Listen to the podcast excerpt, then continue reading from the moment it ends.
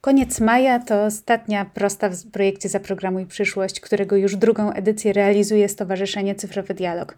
To wielkie przedsięwzięcie, dzięki któremu ponad 1200 nauczycielek i nauczycieli edukacji wczesnoszkolnej poznało metodykę programowania, prowadziło fantastyczne zajęcia dla swoich podopiecznych, w czym pomógł również otrzymany przez szkoły sprzęt, m.in. maty edukacyjne, tablety czy roboty. Najważniejsi są jednak dla nas ludzie, uczestniczki i uczestnicy projektu, nasze trenerki i nasi trenerzy, której, którzy wciąż pokazują nam, ile fantastycznych rzeczy robią i jak chętnie się nimi dzielą. Dzisiaj posłuchamy opowieści uczestniczki projektu, nauczycielki edukacji wczesnoszkolnej pani Agnieszki Piekarskiej ze Szkoły Podstawowej nr 153 w Łodzi, która opowiada o pasji w edukacji i programowaniu oraz dzieli się niesamowicie pozytywną energią. Zapraszamy. Jestem nauczycielem edukacji wczesnoszkolnej z takim już dość dużym stażem pracy, może nie 30-letnim, ale myślę, że 15 lat pracy z dziećmi już troszkę e, dał mi tego doświadczenia. Pracuję w szkole 153 e, tutaj u nas w Łodzi na Bałutach. E, szkoła podstawowa przeciętna jak każda inna.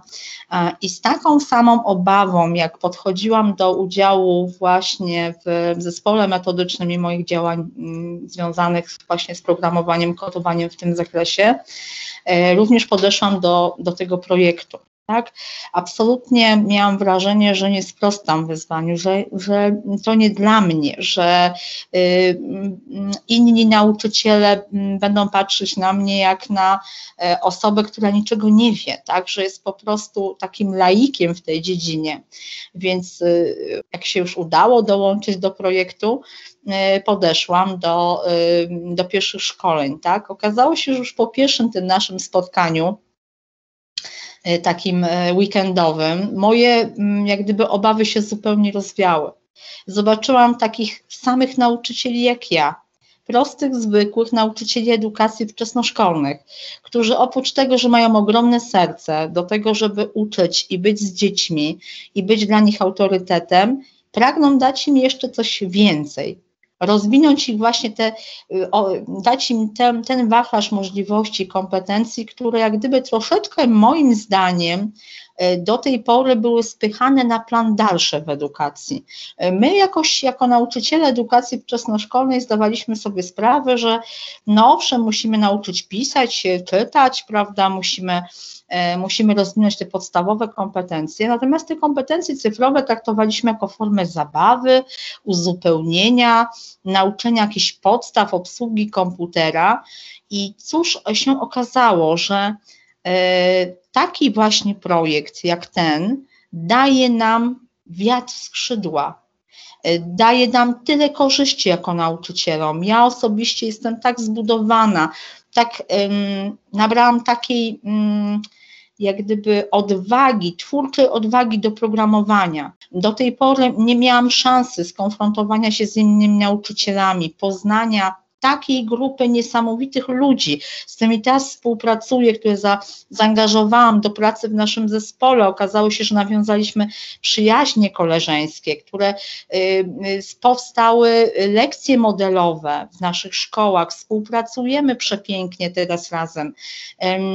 i możemy się tą dzielić, tą właśnie wiedzą nawzajem i mieć tą odwagę do pokazywania siebie, nawet jeżeli popełniamy błędy.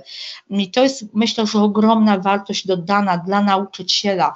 Odwaga twórcza do podejmowania nowych wyzwań, do tego, że podnoszę swoje kwalifikacje, do tego, że się mm, wzbogacam wewnętrznie i daję to potem uczniom. Poza tym edukatorzy, którzy się z nami spotykali, to osoby niewiarygodne. To były osoby, które były pasjonatami i mm, oni nas tą pasją zarazili. Ja po prostu y, z żalem naprawdę odchodziłam z ostatnich warsztatów, bo to było twórcze, to było super, to, to wnosiło do mojego warsztatu pracy tyle cennych rzeczy. Y, mimo, że od dwóch lat zajmowałam się odrobinę tym programowaniem, bo stworzyliśmy w Łodzi, się pochwalę, Nie jestem oczywiście założycielem, absolutnie e, nie będę tu przypisywała sobie, że tak powiem, e, wszystkich e, laurów związanych z łódzkim klubem kodujących nauczycieli, ale powstał taki twór, którego właśnie inicjatorem i założycielem jest jedna z Waszych animatorek, Viola Szwebs. Nie, nie, nie mogę tutaj nie wspomnieć o tej osobie.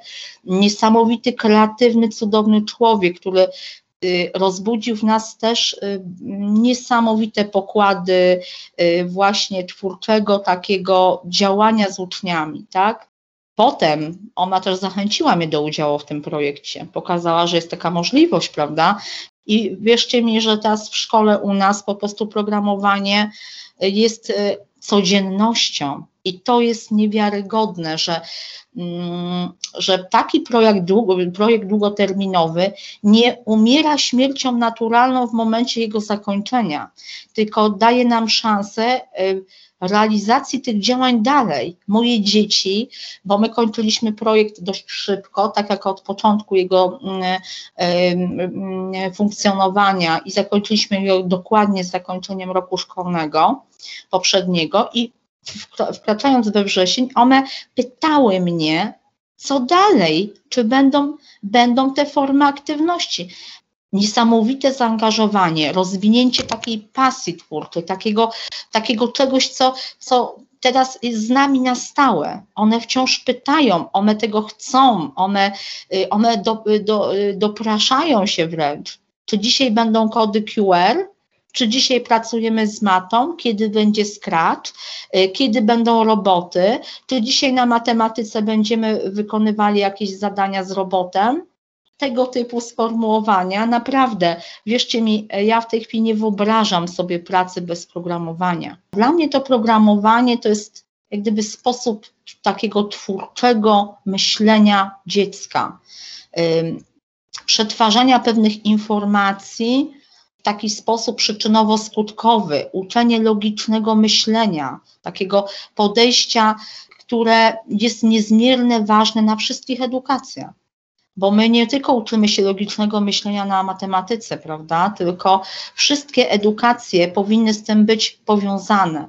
To nauczenie dziecka myślenia logicznego na wszystkich płaszczyznach przeszliśmy przez wszystkie etapy, tak? Czyli zaznajamialiśmy się z matą edukacyjną, taka ogromna, taka fantastyczna, taka kolorowa, e, tyle wrażeń, e, tyle form aktywności. Dzieci były zafascynowane, takie podekscytowane, tak, że matko, to tu można się uczyć języka polskiego i matematyki na tym, na tym, e, na tej płachcie, tak, i w ogóle i integracja, i, i wspólne układanie obrazków. I mnie najbardziej za, zafascynowało właśnie ich zaangażowanie, takie twórcze podejście, kombinowanie, propozycje, wręcz y, inicjowanie pewnych zadań. One się w pewnym momencie stały jak gdyby współorganizatorami tych naszych spotkań, bo one co tydzień, a co będziemy robić? Na, jak przyjdzie pani Wiola w piątek, to co my będziemy robić? No ja mówię, a wymyślcie, proszę, zaproponujcie, bądźcie twórczy. Ja proszę o wasze propozycje. I rodziły się propozycje zajęć, to jak gdyby się dalej nawarstwiało i y, moje dzieci ciągle były głodne pomysłu i co, ciągle chciały czegoś nowego.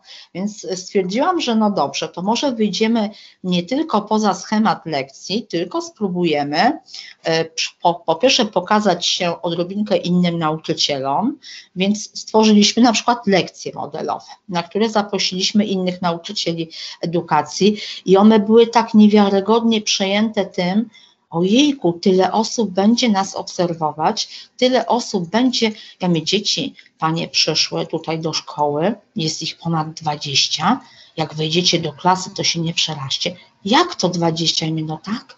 I one będą się uczyły od was. Od nas? Przecież panie to już wszystko umieją. Ja mówię, będą patrzyły, jak wy pięknie pracujecie to wy dzisiaj występujecie w roli nauczycieli. I to też takie zaskoczenie. Ale idąc dalej, no to oczywiście zajęcia modelowe, otwarte też nie wystarczyły moim uczniom i zwykłe zajęcia już takie stacjonarne, potem już przeszliśmy do pracy zdalnej niestety. Więc postanowiłam że skoro mam w, fantastycznych rodziców i mam możliwość dobrego kontaktu z nimi, to dlaczego nie wykorzystać tego potencjału?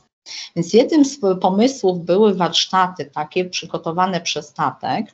Tato jest z zawodu programistą i on przygotował dla nas takie mm, warsztaty z wcielania się młodych uczniów w rolę małego informatyka, programisty. I oni mogli jak gdyby od podszewki zobaczyć, jak to ten zawód programisty wygląda. Y, na początku twierdził, że to jest pewnie nudne, prawda, takie siedzenie i tam pisanie jakichś szlaczków, bo pan y, pewnie coś takiego pokaże. Okazuje się, że nie, bo połączył się w trakcie takiego spotkania webinaryjnego właśnie ze Stanami Zjednoczonymi.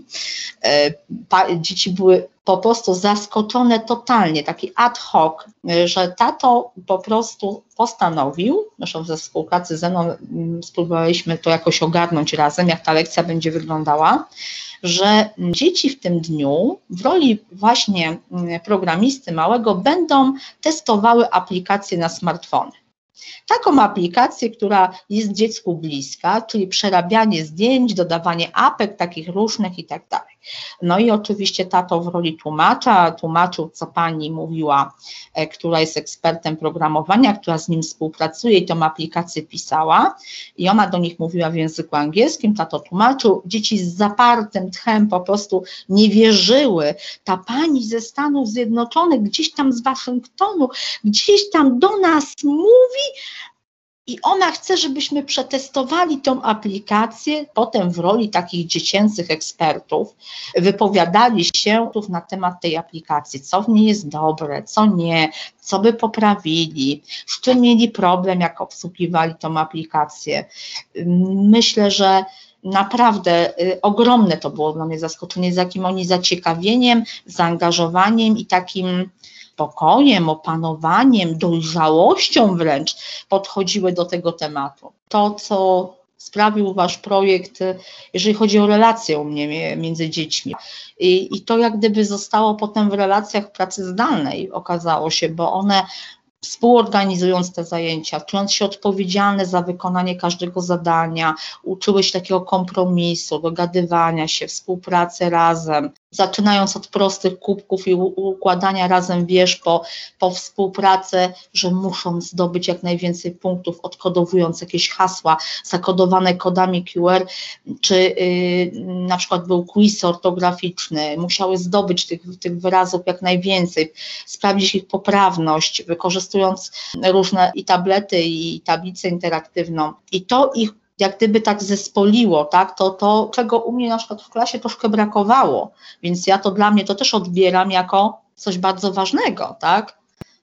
Ja myślę, że dla siebie wyciągnęłam jedną bardzo ważną rzecz. Odważyłam się mówić o tym, co robię i dzielić się swoją wiedzą i doceniać to, co potrafię robić.